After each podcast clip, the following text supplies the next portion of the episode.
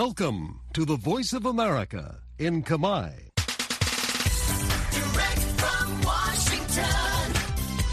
the voice of America, VOA.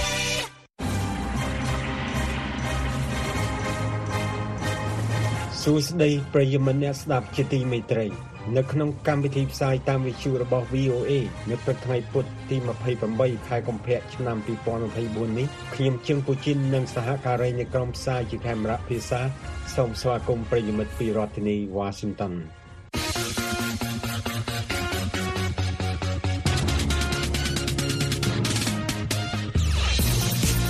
នៅក្នុងការផ្សាយរបស់ VOA នៅវេលាព្រឹកនេះយើងខ្ញុំមានសេចក្តីរាយការណ៍អំពីតុលាការកំពូលទម្លាក់បទចោទលើសកម្មជនបង្កក់2នាក់ក្នុងករណីគំរាមសម្លាប់សេដ្ឋកិច្ចអ៊ុយក្រែនដែលរងគ្រោះដោយសារសង្គ្រាមបង្ហាញសញ្ញារើបឡើងវិញ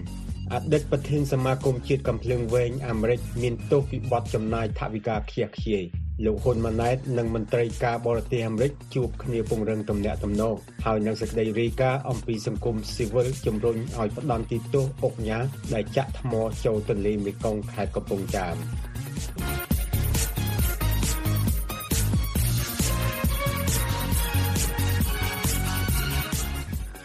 សកម្មជនដីធ្លីនៅតំបន់បឹងកក់ចំនួន2នាក់គឺអ្នកស្រីង៉ែតខុនហៅយាយម៉ាមី និងអ្នកស្រីឆេងលៀបបានទទួលយុត្តិធម៌ពីតុលាការកំពូលដែលបានសម្រេចទម្លាក់ចោលបទចោទគំរាមថានឹងសម្លាប់អតីតសមាជិកសហគមន៍បឹងកក់ម្នាក់ទៀតការសម្រេចរបស់តុលាការកំពូលកើតមានឡើងបន្ទាប់ពីអ្នកទាំងពីរបានរងការចោទប្រកាន់នេះអស់រយៈពេល12ឆ្នាំ លោកហុលរស្មីរីកាឲ្យ VOA ពីរាជធានីភ្នំពេញដូចតទៅតុលាការកំពូលកាលពីថ្ងៃច័ន្ទបានសម្រេចទម្លាក់ចោលការផ្ដន់ទាទោសលើសកម្មជនដីធ្លីបង្កក់ពីររូបដែលត្រូវចោទពីបទគំរាមថានឹងសម្លាប់លើសមាជិកសហគមន៍បង្កក់ម្នាក់ទៀតកាលពីជាង10ឆ្នាំមុនកាលពីឆ្នាំ2012អ្នកស្រីង៉ែតខុនអាយុ83ឆ្នាំហៅយាយម៉ាមី និងអ្នកស្រីឆេងលៀបអាយុ58ឆ្នាំត្រូវបានសមាជិកសហគមន៍បង្កក់ម្នាក់ទៀតគឺអ្នកស្រីលីមុំប្តឹងអ្នកទាំងពីរត្រូវបានសាលាដំបងនិងសាលាឧទ្ធរភ្នំពេញផ្តន្ទាទោសឲ្យជាប់ពន្ធនាគារចំនួន6ខែពីបទគំរាមថានឹងសម្លាប់កាលពីខែមិនិនាឆ្នាំ2012នេះបើតាមសេចក្តីប្រកាសព័ត៌មានរបស់អង្គការការពារសិទ្ធិមនុស្ស Liga do នាយកទទួលបន្ទុកកិច្ចការទូតអង្គការ Liga do លោកអំសំអាតប្រាប់ VOA នៅថ្ងៃអង្គារនេះថាសកម្មជនដីធ្លីទាំងពីររូបបានរងភាពអយុត្តិធម៌អស់រយៈពេល12ឆ្នាំមកហើយចំពោះបទល្មើសដែលពួកគេមិនបានប្រព្រឹត្តលោកថាការសម្រេចរបស់តុលាការកំពូល ជាការផ្ដល់យុត្តិធម៌ដល់ពួកគាត់ទាំងពីរនាក់នេះគឺជាការផ្ដល់យុត្តិធម៌និងភាពស្អាតស្អំសម្រាប់គាត់ទៅហើយ ប៉ុន្តែទោះជាយ៉ាងណាក៏ដោយតម្រាំអឺតឡាការកំពូលផ្ដល់យុត្តិធម៌និងភាពស្អាតស្អំសម្រាប់គាត់នេះគឺគាត់ត្រូវអឺដំណើរការស្វែងរកយុត្តិធម៌ហ្នឹងរយៈពេល12ឆ្នាំហើយតាំងពី2012មកដល់ពេលនេះវារយៈពេល12ឆ្នាំ តាំងពីសាលាដំបងហើយនឹងសាលាត បើតាមសេចក្តីប្រកាសព័ត៌មានរបស់អង្គការលីកាដូចេញផ្សាយកាលពីថ្ងៃច័ន្ទសមាជិកសហគមន៍បង្កក់នៅរាជធានីភ្នំពេញបានប្រឈមនឹងចំនួនដីធ្លីរ៉ាំរ៉ៃបន្ទាប់ពីរាជរដ្ឋាភិបាល បានជួលបង្កក់ទៅឲ្យក្រុមហ៊ុនឯកជនក្នុងឆ្នាំ2007សមាជិកសហគមន៍ជាច្រើនអ្នកធ្លាប់ត្រូវបានតុលាការផ្តន្ទាទោសឲ្យជាប់ពន្ធនាគារជាបន្តបន្ទាប់និងត្រូវបានកាត់ទោសពីបទល្មើសទាក់ទងនឹងការការពារផ្ទះរបស់ពួកគេ និងហ៊ាននិយាយតវ៉ាទៅនឹងការបណ្តេញចេញដោយបង្ខំការចោទប្រកាន់លើអ្នកស្រីង៉ែតខុននិងអ្នកស្រីឆេងលៀបមានទំនាក់ទំនងនឹងហេតុការណ៍ដែលមានក្រដាស់សរសេរជាច្រើនសន្លឹកគំរាមថានឹងសម្លាប់អតីតសមាជិកសហគមន៍ម្នាក់ឈ្មោះលីមុំក្រដាស់ទាំងអស់នោះត្រូវបានរកឃើញនៅរាយប៉ាយនៅខាងមុខផ្ទះរបស់អ្នកស្រីលីមុំអ្នកស្រីលីមុំបានដាក់ពាក្យបណ្ដឹងទៅលើសមាជិកសហគមន៍បង្កក់6នាក់ ដែលក្នុងនោះរួមទាំងអ្នកស្រីង៉ែតខុននិងអ្នកស្រីឆេងលៀបផងដែរស្ត្រីទាំង6នាក់នោះបានអះអាងថាពួកគេមិនទទួលខុសត្រូវចំពោះការគំរាមកំហែងនោះទេនេះបើតាមអង្គការ Liga do អ្នកស្រីង៉ែតខុនសកម្មជនដីធ្លីនៃសហគមន៍បង្កក់យល់ថាការសម្រេចរបស់តុលាការកំពូលជាការផ្ដល់យុត្តិធម៌ជូនរូបគាត់ដែលតែងតវ៉ាមិនសុខចិត្តនឹងការសម្រេចរបស់សាលាដំបងនិងសាលាឧទ្ធរភ្នំពេញជាហោហែមក ក្រោយរងពាក្យបណ្ដឹងរបស់អតីតសមាជិកសហគមន៍បង្កក់គឺអ្នកស្រីលីមុំខ្ញុំយល់ឃើញថាខ្ញុំអញ្ចឹងខ្ញុំក៏អរគុណប្រពន្ធតឡាការកម្ពុជាដែលបានរកភាពយុត្តិធម៌សម្រាប់ខ្ញុំហ្នឹងណាអឺបានលើកលែងទោសឲ្យខ្ញុំរួចខ្លួនអញ្ចឹងគឺតឡាការកម្ពុជាគាត់យុត្តិធម៌សម្រាប់ជាពលរដ្ឋដែលរងគ្រោះពិតប្រាកដចា៎ VOA មិនទាន់អាចតាក់ទងសុំការអធិប្បាយពីអ្នកស្រីម៉ៅធីតាអ្នកនាំពាក្យតុលាការកំពូលបានទេដោយអ្នកស្រីថាអ្នកស្រីត្រូវការពេលវេលាពិនិត្យការជំនុំជម្រះលើក្តីក្តាមរបស់សកម្មជនដេកធ្លីទាំងពីរនាក់ក្នុងសំណុំរឿងគម្រាមថានឹងសម្លាប់នេះអ្នកស្រីលីមុំបានដកពាក្យបណ្ដឹងនៅក្នុងឆ្នាំ2016ប៉ុន្តែសកម្មជនដេកធ្លីទាំង6នាក់នៅតែត្រូវបានសាលាដំបងរាជធានីភ្នំពេញផ្តន្ទាទោស ដោយយោងតាមមាត្រា233នៃក្រមព្រហ្មទណ្ឌកាលពីថ្ងៃទី4ខែសីហាឆ្នាំ2018ប៉ុន្តែទោសពន្ធនាគារចំនួន6ខែត្រូវបានព្យួរនេះបើតាមអង្គការ Liga do អ្នកស្រីង៉ែតខុននិងអ្នកស្រីឆេងលៀបគឺជាជនជាប់ចោតតែ2នាក់ប៉ុណ្ណោះដែលប្តឹងសារទុកទៅកាន់តុលាការកំពូលអ្នកស្រីង៉ែតខុនបញ្ជាក់ VOA ឲ្យដឹងថាជនជាប់ចោតខ្លះដូចជាអ្នកស្រីទេវណ្ណី បានចាកចេញពីប្រទេសកម្ពុជា ខ្លះបដូរលំនៅឋាននិងខ្លះទៀតបានចុះចូលជាមួយនឹងខាងអាជ្ញាធរអ្នកស្រីង៉ែតខុនឲ្យដឹងទៀតថាអ្នកស្រីនៅមានបណ្ដឹងរបស់អតីតសកម្មជនដីធ្លីបង្កក់មួយទៀតដែលប្តឹងអ្នកស្រីទៅតុលាការករណីប្រើហិង្សាក្រោយការតវ៉ាអស់រយៈពេលជិត12ឆ្នាំមកនេះរាយការណ៍ពីរាជធានីភ្នំពេញខ្ញុំហុលរស្មី VOA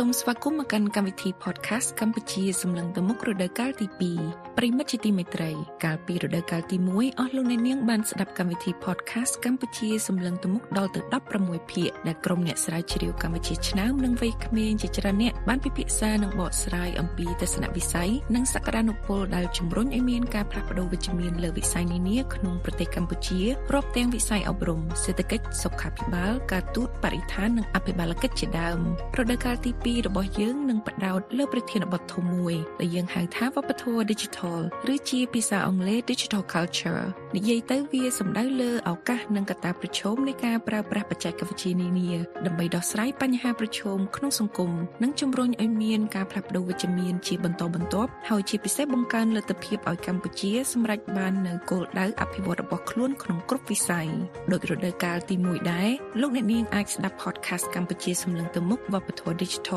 ឬ Digital Culture នេះតាម Apple Podcast Google Podcast Spotify និងតាមគេហទំព័ររបស់យើង khmer.vnews.com/envisioncambodia digital culture ហើយសូមកុំភ្លេច subscribe សូមអរគុណ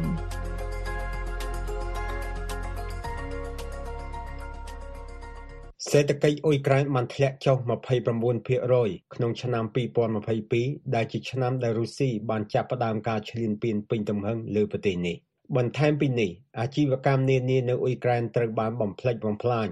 ការនាំចេញត្រូវបានផ្អាកហើយមនុស្សរាប់លាននាក់ត្រូវបានផ្លាស់ទីប៉ុន្តែនៅឆ្នាំ2023មន្ត្រីអ៊ុយក្រែនបានថ្លែងថាសេដ្ឋកិច្ចប្រទេសបានកើនឡើង5% ប្រធានការិយាល័យ VOA ប្រចាំតំបន់អឺរ៉ុបខាងកើត អ្នកស្រី Miroslava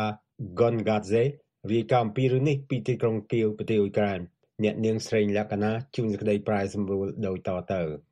នៅឆ្នាំ2022ដែលជាឆ្នាំដែលរុស្ស៊ីចាប់ផ្ដើមការឈានពានលើអ៊ុយក្រែនសេដ្ឋកិច្ចអ៊ុយក្រែនធ្លាក់ចុះ29%សេដ្ឋវិទូបានទូទាយថាសេដ្ឋកិច្ចនឹងបន្តធ្លាក់ចុះនៅក្នុងឆ្នាំ2023ប៉ុន្តែជាការភ្ញាក់ផ្អើលសេដ្ឋកិច្ចបែរជាល្អជាងការរំពឹងទុកទៅវិញ អនុរដ្ឋមន្ត្រីក្រសួងសេដ្ឋកិច្ចអ៊ុយក្រែនអ្នកស្រី Tetiana Beresna បានថ្លែងថា By the end of 2023 we understood that our economy ត្រឹមចុងឆ្នាំ2023សេដ្ឋកិច្ចរបស់យើងកើន5%អ៊ុយក្រែនប្រមូលពន្ធបាន4400លានដុល្លារលើសឆ្នាំ2022ភាពធន់របស់អ៊ុយក្រែនគឺជាភាពធន់នៃអាជីវកម្មនិងពលរដ្ឋអ៊ុយក្រែន អ្នកស្រី Beresna ថាសង្គ្រាមបង្ខំឲ្យអ៊ុយក្រែនរៀបចំសេដ្ឋកិច្ចឡើងវិញនិងធ្វើការផ្លាស់ប្ដូរខ្លាំងក្លា we no longer want to be the អ៊ុ resource យក្រែនលែងចង់ធ្វើជាមណ្ឌលធនធានរបស់អឺរ៉ុបហើយយើងចាំបាច់ត្រូវស្ដារខាងក្នុងប្រទេសរបស់យើង វាជាវិធីល្អបំផុតដើម្បីបង្កើតការងារពន្ធដារនិងបន្ថែមតម្លៃក្នុងប្រទេសរបស់យើងក្រុមហ៊ុន Esper Bionics ស្ថិតនៅក្នុងចំណោមក្រុមហ៊ុនដែលបំពេញតាមតម្រូវការសេដ្ឋកិច្ចនៅក្នុងពេលសង្គ្រាម ក្រុមហ៊ុននេះប្រើការច្នៃប្រឌិតថ្មីនិងវិស្វកម្មដើម្បីបង្កើតដៃសិប្បនិម្មិតដើម្បីជួយដល់យុទ្ធជនដែលរងរបួសដោយសារសង្គ្រាមលោក Cairo Peroshiko ប្រធានផ្នែកបច្ចេកវិទ្យានៃក្រុមហ៊ុន Esper Bionics ថ្លែងថា So I think we grew up uh, last year at least ខ្ញុំគិតថាក្រុមហ៊ុនយើងរីកឡើងយ៉ាងតិច2ដងកាលពីឆ្នាំមុនហើយផ្នែកដំឡើងរបស់យើងធំជាងពេលណាណាទាំងអស់ដោយមានបុគ្គលិកច្រើនជាងមុន2ដងដើម្បីបំពេញតាមតម្រូវការដែលខ្ពស់ខ្លាំង មុនសង្គ្រាមក្រុមហ៊ុន OPT Leasing នាំមកទីផ្សារអ៊ុយក្រែនផ្នែកជួលដោយផ្ដោតទៅលើទំនិញផ្សេងៗដូចជាឧបករណ៍កសិកម្មគ្រឿងបរិក្ខារពេទ្យនិងយានយន្តជាដើមប៉ុន្តែទីតាំងក្រុមហ៊ុននេះនៅក្បែរទីក្រុងគៀវរងការបាញ់ប្លង់ធ្ងន់ធ្ងរដោយធ្វើឲ្យខូចខាតដល់ឧបករណ៍ជាច្រើនយានយន្តខ្លះរួមទាំងរថយន្តធុនធ្ងន់ផងដែរត្រូវច្នៃជាយានចម្បាំងហើយខ្លះទៀតគឺត្រៀមសម្រាប់ដឹកទៅសមរភូមិលោក Andre Paloshin នាយកប្រតិបត្តិនៃក្រុមហ៊ុននេះថាក្រុមហ៊ុននេះ កំពុងប្រឹងប្រែងរៀបឡើងវិញ we increased what is good in year 2023យើងបានបង្កើនអ្វីដែលល្អក្នុងឆ្នាំ2023ដោយបង្កើនការលក់បាន30%មុនសង្គ្រាមយើងមានផលប័ត្រសរុប500លានដុល្លារប៉ុន្តែឥឡូវនេះមានតែប្រហែល350លានដុល្លារប៉ុណ្ណោះនៅឆ្នាំនេះយើងគ្រោងរក្សាកម្រិតនេះហើយឆ្នាំក្រោយនឹងចាប់ផ្ដើមកើនឡើងប៉ុន្តែលោក Anton Nanawer សាស្ត្រាចារ្យរងនៃសាកលវិទ្យាល័យ Taras Shevchenko National University of Kyiv ថា សេដ្ឋកិច្ចអ៊ុយក្រែនគឺកាន់តែពឹងផ្អែកខ្លាំងទៅលើការគាំទ្រពីអន្តរជាតិហើយផ្ដោតខ្លាំងទៅលើការចំណាយផ្នែកយោធា Uh, Ukrainian budget is lacking something like 25 GDP របស់អ៊ុយក្រែនថយចុះពី25ទៅ30%នេះជាចំនួនច្រើនណាស់យើងនឹងច្បាស់ថាបើបានថាបេការពីអាមេរិកនិងអឺរ៉ុបកាន់តែច្រើនយើងមានភាពធន់កាន់តែខ្លាំងផ្នែកយោធាហើយយើងត្រូវការថាបេការកាន់តែច្រើនតាមដែលអាចធ្វើបានដើម្បីងាកទៅផ្នែកយោធានៃសេដ្ឋកិច្ចលោក Nanawer ថា ការរើបឡើងវិញនៃសេដ្ឋកិច្ចនិងការវិលរកស្ថិរភាពនិងកំណើនសេដ្ឋកិច្ចនឹងត្រូវការការវិនិយោគរាប់ពាន់លានដុល្លារនៅប៉ុន្មានឆ្នាំខាងមុខក៏ដូចជាជំនួយខ្លាំងក្លាពីរដ្ឋាភិបាលបរទេសនិងវិជាស្ថានហិរញ្ញវត្ថុនានាពីរដ្ឋធានី Washington ខ្ញុំស្រីអ្នកឃីណា VOA VOA គណៈវិនិច្ឆ័យតុលាការរដ្ឋញូវយ៉កសហរដ្ឋអាមេរិកបានសម្រេចការពីថ្ងៃទី23ខែកុម្ភៈថាអតីតប្រធានសមាគមជាតិកំភ្លើងវែងអាមេរិកលោក Van Lapierre មានទោសពីបទចំណាយថវិកាមិនត្រឹមត្រូវដើម្បីជីវិតបែបហឺហារបស់ខ្លួនគណៈវិនិច្ឆ័យតុលាការនេះបានតម្រូវឲ្យលោកសងសមាគមនេះជាង4លានដុល្លារទីភ្នាក់ងារសារព័ត៌មាន AP រាយការណ៍អំពីរឿងនេះពីទីក្រុងញូវយ៉ក លោកភីសភាដាជួនសេចក្តីប្រែសម្រួលដោយតទៅលោក Wayne Lapierre បានចាយលុយរាប់លានដុល្លាររបស់សមាគមជាតិកំភ្លើងវែង NRA របស់សហរដ្ឋអាមេរិកដោយមិនត្រឹមត្រូវក្នុងអំឡុងពេលលោកដឹកនាំសមាគមតស៊ូមតិរឿងកំភ្លើងនេះរាប់ទសវត្សរ៍កន្លងមកដោយលោកបានប្រើប្រាស់ថវិកាទាំងនោះដើម្បីចំណាយលើជីវិតរស់នៅបែបហឺហាដែលរួមទាំងដំណើរកំសាន្តទៅបរទេសនិងដំណើរកំសាន្តតាមយន្តហោះឯកជននិងនាវាកំសាន្តទំនើបផងដែរនេះបើយោងតាមស្ដីរាយការណ៍របស់ទីភ្នាក់ងារសារព័ត៌មាន AP ដែលយោងលើការសម្រេចរបស់គណៈវិនិច្ឆ័យតុលាការរដ្ឋញូវយ៉កកាលពីថ្ងៃទី23ខែកុម្ភៈគណៈវិនិច្ឆ័យតុលាការបានបញ្ជាឲ្យលោក Lapierre អាយុ74ឆ្នាំសងថវិកាសមាគម NRA នេះចំនួន4លាន351,231ដុល្លារគណៈវិនិច្ឆ័យតុលាការនេះក៏បានបញ្ជាផងដែរឲ្យលោក Wilson Phillips ប្រធានផ្នែកហិរញ្ញវត្ថុដែលចូលនិវត្តន៍របស់សមាគមនេះសងសមាគមនេះចំនួន2លានដុល្លារ គណៈវិនិច្ឆ័យតុលាការក៏បានរកឃើញផងដែរថាសមាគម NRA បានលុបចោលឬក៏បង្ហាញមិនត្រឹមត្រូវនៅព័ត៌មានក្នុងការប្រកាសពន្ធលើប្រាក់ចំណូលរបស់ខ្លួននិងបានរំលោភលើច្បាប់រដ្ឋញូវយ៉កដោយការមិនអនុវត្តគោលនយោបាយតាក់ទិននឹងអ្នកលួចផ្ដាល់ព័ត៌មានអំពីអំពើខុសច្បាប់នានាលោកឡប់ភៀបានអង្គុយថ្មឹងនៅកៅអីជួរមុខនៃសាវនាការតុលាការនៅពេលដែលតុលាការប្រកាសសាលក្រមសាលក្រមនេះគឺជាជ័យជំនះសម្រាប់អគ្គរដ្ឋអាជ្ញារដ្ឋញូវយ៉ក អ្នកស្រី Letitia James ដែលមកពីគណៈបកប្រជាធិបតេយ្យដែលធ្វើយុទ្ធនាការស៊ើបអង្កេតលើឋានៈមិនរកប្រាក់កម្រៃរបស់សមាគម NRA នេះអ្នកស្រី James បានបញ្ជាក់នៅក្នុងសារមួយដែលបង្ហោះនៅលើបណ្ដាញសង្គមអនឡាញ X ថានៅក្នុងរដ្ឋញូវយ៉កអ្នកមិនអាចរត់គេចពីអំពើពុករលួយនិងភាពលោភលន់បានទេមិនថាអ្នកគិតថាខ្លួនឯងមានអំណាចឬឥទ្ធិពលប៉ុណ្ណាឡើយមនុស្សគ្រប់គ្នាទាំងអស់សូម្បីតែសមាគម NRA និងលោក Wayne Lapierre ក៏ត្រូវតែធ្វើតាមច្បាប់ដូចគ្នាទាំងអស់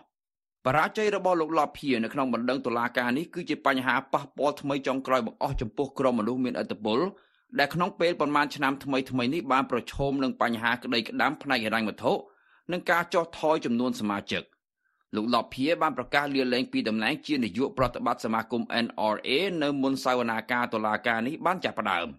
បន្ទាប់ពីបានរាយការណ៍អំពីការខាតបង់ថវិកាចំនួន36លានដុល្លារនៅក្នុងឆ្នាំ2018ដែលភាគច្រើនដោយសារការចំណាយមិនត្រឹមត្រូវមកសមាគម NRA បានកាត់បន្ថយថវិកាចំណាយលើកម្មវិធីស្នូលជាយូរមកហើយមួយចំនួនរបស់បេសកកម្មសមាគមនេះដែលក្នុងនោះរួមមានទាំងកម្មវិធីបណ្ដុះបណ្ដាលនិងអប់រំកម្មវិធីបាញ់កំភ្លើងកំសាន្តនិងកម្មវិធីពង្រឹងការអនុវត្តច្បាប់ផងដែរនៅក្នុងឆ្នាំ2021សមាគមនេះបានដាក់ពាក្យខ្សែធន និងមានបំឡងផ្ទេរទៅរដ្ឋតិចសាសជាជាងនៅរដ្ឋញូវយ៉កប៉ុន្តែចៅក្រមបានច្រានចោលសំណើនេះដោយនិយាយថាការធ្វើដូច្នេះគឺជាការប៉ុនប៉ងដើម្បីបញ្ជាបណ្ដឹងរបស់អ្នកស្រីអគ្គរដ្ឋអាជ្ញា James ទោះបីជាមានបញ្ហាទាំងនេះក្តីក៏សមាគម NRA នៅតែជាកម្លាំងនយោបាយមួយនៅក្នុងចំណោមបេក្ខជនប្រកួតប្រជែងដើម្បីបានការតែងតាំងជាបេក្ខជនប្រធានាធិបតីខាងគណៈបក្សសាធារណរដ្ឋដែលបានបង្ហាញវត្តមាននៅក្នុងសន្និបាតប្រចាំឆ្នាំរបស់គណៈបក្សសាធារណរដ្ឋកាលពីឆ្នាំមុន ហើយអតីតប្រធានាធិបតីសហរដ្ឋអាមេរិកលោក Donald Trump បានថ្លែងនៅក្នុងព្រឹត្តិការណ៍មួយរបស់សមាគម NRA នេះកាលពីដើមខែនេះដែលនេះជាការថ្លែងលើកទី8របស់លោកទៅកាន់សមាគមនេះពីរដ្ឋធានី Washington ខ្ញុំ P សុភាដា VOA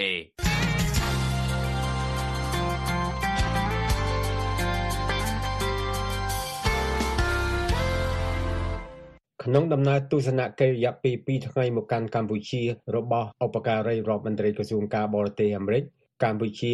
និងអាមេរិកបានអះអាងពីឆន្ទៈធ្វើឲ្យទំនាក់ទំនងរវាងប្រទេសទាំងពីរមានភាពល្អប្រសើរខណៈបញ្ហាសិទ្ធិមនុស្សនិងលទ្ធិប្រជាធិបតេយ្យកម្ពុជានៅតែជារនាំងនៃទំនាក់ទំនងប្រទេសទាំងពីរលោកហាណូយរីកាលំអិតឲ្យ VOA ពីរាជធានីភ្នំពេញដូចតទៅក្នុងជំនួបរវាងលោកឧបការីរដ្ឋមន្ត្រីក្រសួងការបរទេសសហរដ្ឋអាមេរិកជាមួយនាយករដ្ឋមន្ត្រីកម្ពុជាភាគីទាំងពីរបានពិភាក្សាអំពីការធ្វើឲ្យទំនាក់ទំនងរវាងប្រទេសទាំងពីរមានភាពស៊ីជម្រៅនិងដើម្បីដោះស្រាយបញ្ហាដែលជាកង្វល់រួមឧបការីរដ្ឋមន្ត្រីក្រសួងការបរទេសអាមេរិកលោក Daniel J. Crichton-Brink មកបំពេញទស្សនកិច្ចនៅកម្ពុជារយៈពេល2ថ្ងៃគឺថ្ងៃទី26និងថ្ងៃទី7ខែកុម្ភៈឆ្នាំ2024ដោយបានជួបជាមួយជាមួយលោកនាយករដ្ឋមន្ត្រីហ៊ុនម៉ាណែតនិងរដ្ឋមន្ត្រីក្រសួងការពារជាតិលោកទាសីហាទស្សនកិច្ចនៅកម្ពុជានេះធ្វើឡើងខណៈលោកបំពេញទស្សនកិច្ចប្រទេសផ្សេងទៀតដែលជាសមាជិកនៃសមាគមប្រជាជាតិអាស៊ីអាគ្នេយ៍ហៅកាត់ថាអាស៊ានរួមមានសិង្ហបុរីថៃវៀតណាមនិងព្រុយណេ សេចក្តីប្រកាសព័ត៌មានរបស់ស្ថានទូតអាមេរិកប្រចាំនៅកម្ពុជាចេញថ្ងៃទី26ខែកុម្ភៈឆ្នាំ2024បានបញ្ជាក់ក្នុងន័យដើមថាជំនួបរវាងភាគីកម្ពុជានិងអាមេរិកកាលពីថ្ងៃច័ន្ទភាគីទាំងពីរបានជជែកអំពីកិច្ចសហប្រតិបត្តិការកំពុងមានដូចជាការអនុវត្តទណ្ឌកម្មរបស់អង្គការសហប្រជាជាតិប្រឆាំងនឹងកូរ៉េខាងជើងការថ្កោលទោសការឈ្លានពានរបស់រុស្ស៊ីទៅលើប្រទេសអ៊ុយក្រែនកម្មវិធីជំនួយបរទេសការរុករកឆ្លើយសឹក និងយុទ្ធជនបាត់ខ្លួនក្នុងសង្គ្រាមនិងការពង្រឹងការអនុវត្តច្បាប់សេចក្តីប្រកាសព័ត៌មានដដែលបន្ថែមថាក្នុងជំនួបនោះក៏បានពិនិត្យទៅលើវិស័យនានាសម្រាប់វឌ្ឍនភាពនៅពេលខាងមុខនៅប្រទេសកម្ពុជាដូចជាលទ្ធិប្រជាធិបតេយ្យនិងសិទ្ធិមនុស្សការជួញដូរមនុស្សការបង្កើតលទ្ធភាពសម្រាប់ប្រព័ន្ធផ្សព្វផ្សាយឯករាជ្យនិងមានភាពសេរីព្រមទាំងបញ្ហាសន្តិសុខតំបន់សេចក្តីប្រកាសព័ត៌មានបានបញ្ជាក់ក្នុងន័យដើមថានៅក្នុងកិច្ចពិភាក្សាគ្នានោះលោកឧបការីរដ្ឋមន្ត្រីការបរទេសអាមេរិកបានថ្លែងបញ្ជាក់ថាសហរដ្ឋអាមេរិកនៅតែមានការបដិញ្ញាចិត្តចំពោះប្រជាជនកម្ពុជា និងបំណងប្រាថ្នារបស់ពួកគេក្នុងការចង់ឲ្យប្រទេសរបស់គេមានវិបុលភាពលទ្ធិប្រជាធិបតេយ្យនិងឯករាជ្យដែលក្នុងនោះសម្លេងទាំងអស់ត្រូវបានគេស្ដាប់និងគោរពឲ្យអធិបតេយ្យភាពរបស់កម្ពុជាត្រូវបានការពារមន្ត្រីទូតសាធារណៈនិងមន្ត្រីព័ត៌មានប្រចាំស្ថានទូតសហរដ្ឋអាមេរិកប្រចាំនៅកម្ពុជាលោក Wesley Holzer បដិសេធមិនធ្វើអត្ថាធិប្បាយបន្ថែមពាក់ព័ន្ធនឹងជំនួបរវាងភាគីទាំងពីរចំណែកអ្នកនាំពាក្យក្រសួងការបរទេសកម្ពុជាលោកជុំសន្តិរីប្រាប់ VOA តាមសារអេឡិចត្រូនិក Telegram យ៉ាងខ្លីថាលោកមិនមានព័ត៌មានអ្វីពាក់ព័ន្ធនឹងដំណើរទស្សនកិច្ចរបស់ឧបការីរូបនេះទេ បើតាមសារបង្ហោះលើទំព័រ Facebook របស់អង្គភាពអ្នកនាំពាក្យរដ្ឋាភិបាល កាលពីថ្ងៃទី26ខែកុម្ភៈឆ្នាំ2024លោកហ៊ុនម៉ាណែតបានលើកឡើងនៅចំពោះមុខឧបការីអាមេរិកអំពីវឌ្ឍនភាពនៃទំនាក់ទំនងនិងកិច្ចសហប្រតិបត្តិការរវាងប្រទេសទាំងពីរទាំងក្នុងក្របខ័ណ្ឌទ្វេភាគីនិងពហុភាគី អង្គភាពអ្នកនាំពាក្យរដ្ឋាភិបាលបញ្ជាក់ថាក្នុងជំនួបនេះសម្ដេចធិបតីនិងឯកឧត្តម Daniel J. Crichton Brink បានពិភាក្សាអំពីការពង្រឹងនិងពង្រីកកិច្ចសហប្រតិបត្តិការរវាងប្រទេសទាំងពីរឲ្យបន្ថែមទៀតលើវិស័យដែលផ្ដល់ប្រយោជន៍ទៅវិញទៅមករួមមានវិស័យពាណិជ្ជកម្មវិនិយោគទំនាក់ទំនងប្រជាជននិងប្រជាជនព្រមទាំងវិស័យការពារជាតិនិងសន្តិសុខជាដើមលោកឧបការីរដ្ឋមន្ត្រី Creighton Brink ធ្លាប់មកបំពេញទស្សនកិច្ចនៅប្រទេសកម្ពុជាចំនួន2លើកកាលពីឆ្នាំ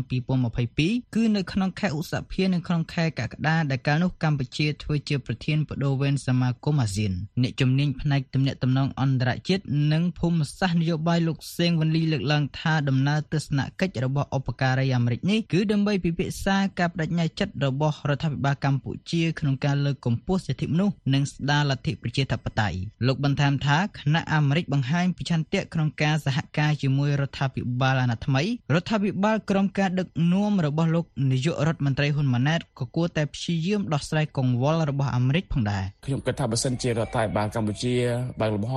នយោបាយជំរុញការគ្រប់សិទ្ធិមនុស្សហើយនិងជំរុញការគ្រប់គ្រងប្រកបដោយនីតិរដ្ឋខ្ញុំគិតថាផែនសារអាមេរិកសារអាមេរិកអាចនឹងស្ដារទំនាក់ទំនង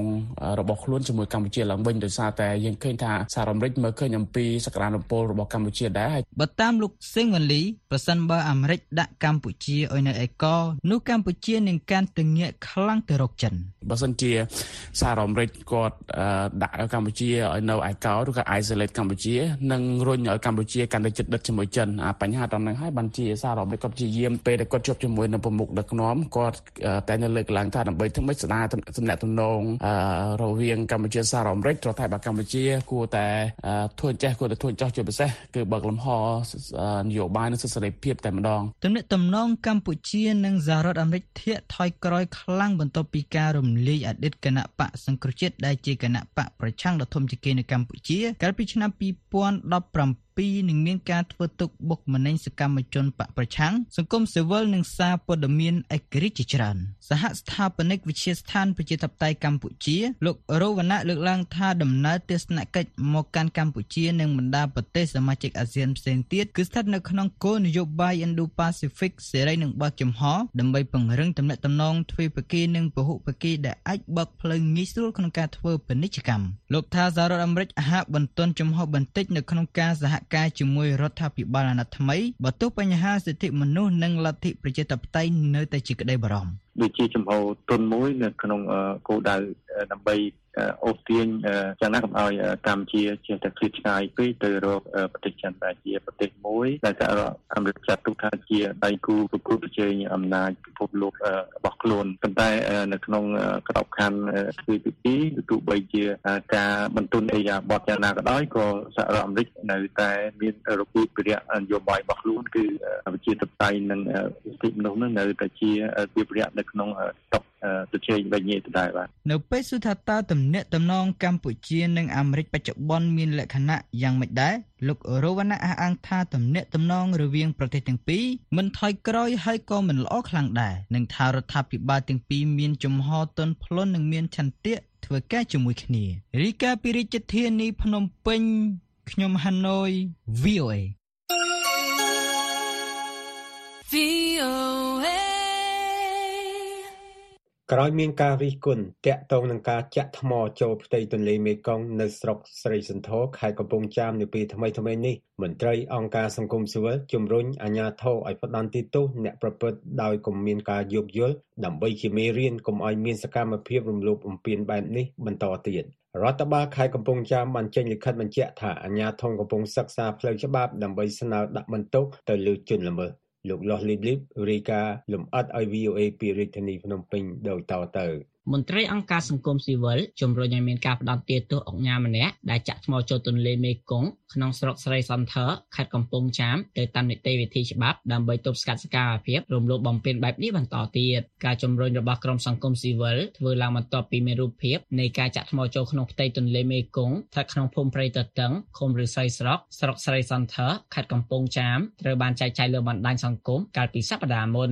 លោកខេងកឹមហុងប្រធានប្រតិបត្តិនៃសមាគមបណ្ដាញយុវជនកម្ពុជាប្រាប់ VOA នៅថ្ងៃអង្គារនេះថាអាជ្ញាធរគួរចាត់វិធានការផ្លូវច្បាប់ចំពោះបុគ្គលដែលបានចាក់ថ្មចូលផ្ទៃទន្លេនេះលោកថាការផ្ដន់ទាទោសគឺជារឿងសំខាន់ដើម្បីបញ្ជាក់ថាអាជ្ញាធរពិតជាយកចិត្តទុកដាក់ចំពោះការចាត់វិធានការលើការរំលោភទ្រព្យសម្បត្តិសាធារណៈនិងដើម្បីលុបបំបាត់វប្បធម៌និទានភាពការកែចេញហ្នឹងជារឿងត្រឹមត្រូវប៉ុន្តែការទទួលខុសត្រូវផ្នែកព្រហ្មទណ្ឌនិងបញ្ញត្តិទោសដែលមានកំណត់នៅក្នុងច្បាប់ពិសេសទាំងអស់ហ្នឹងក៏មិនគួរត្រូវបានលើកលែងដែរដូច្នេះខ្ញុំទទូចឲ្យអំពាវនាវថារដ្ឋាភិបាលអាជ្ញាធរមូលដ្ឋាននឹងបន្តនីតិវិធីនេះដើម្បីកុំឲ្យមានគំរូអាក្រក់ទៅដល់អ្នកដទៃទៀត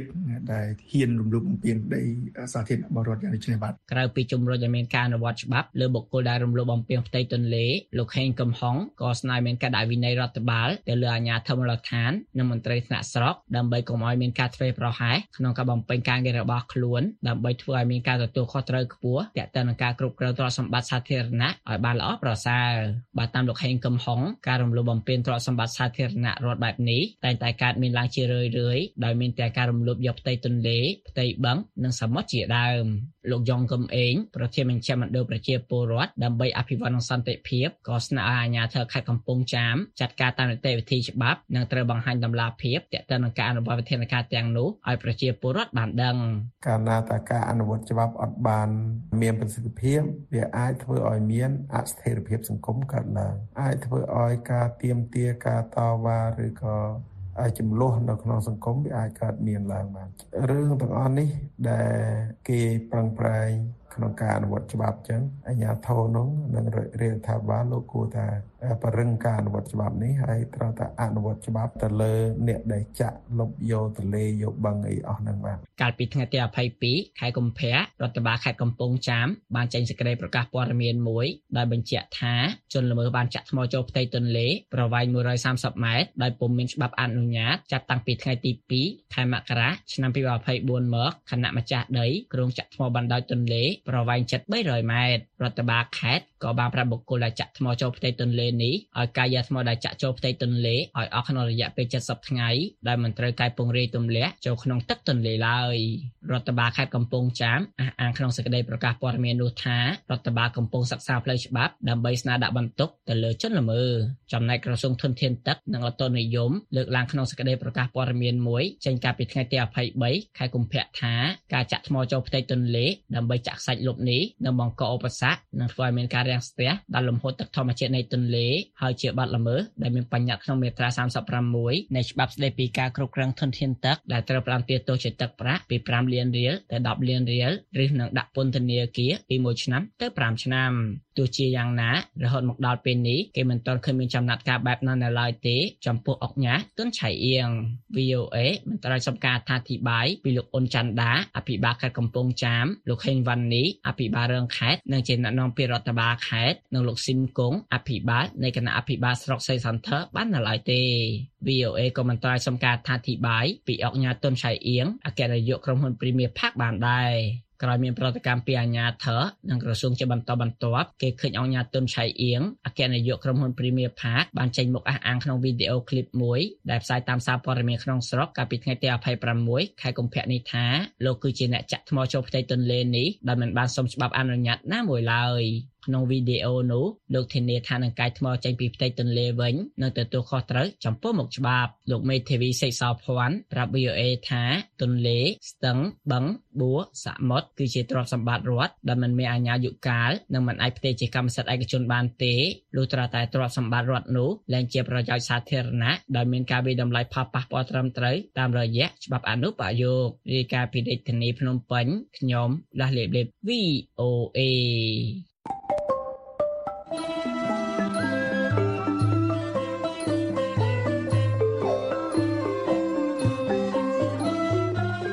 ្មវិធីផ្សាយរបស់ VOA នៅព្រឹកនេះចាប់តែត្រឹមនេះសូមអរលោកអ្នករងចាំស្ដាប់សេចក្តីរាយការណ៍ព័ត៌មានជាតិនិងអន្តរជាតិរបស់ VOA នៅក្នុងការផ្សាយបន្តផ្ទាល់របស់យើងខ្ញុំនៅរាត្រីនេះទៀតពីម៉ោង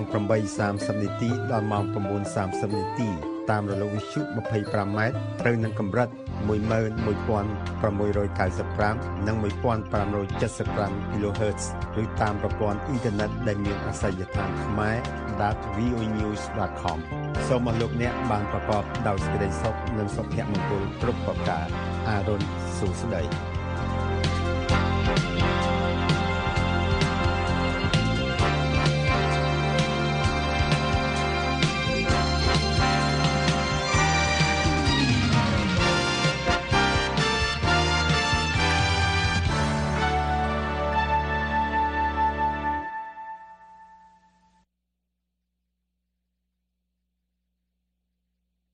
This program has come to you from the Voice of America, Washington.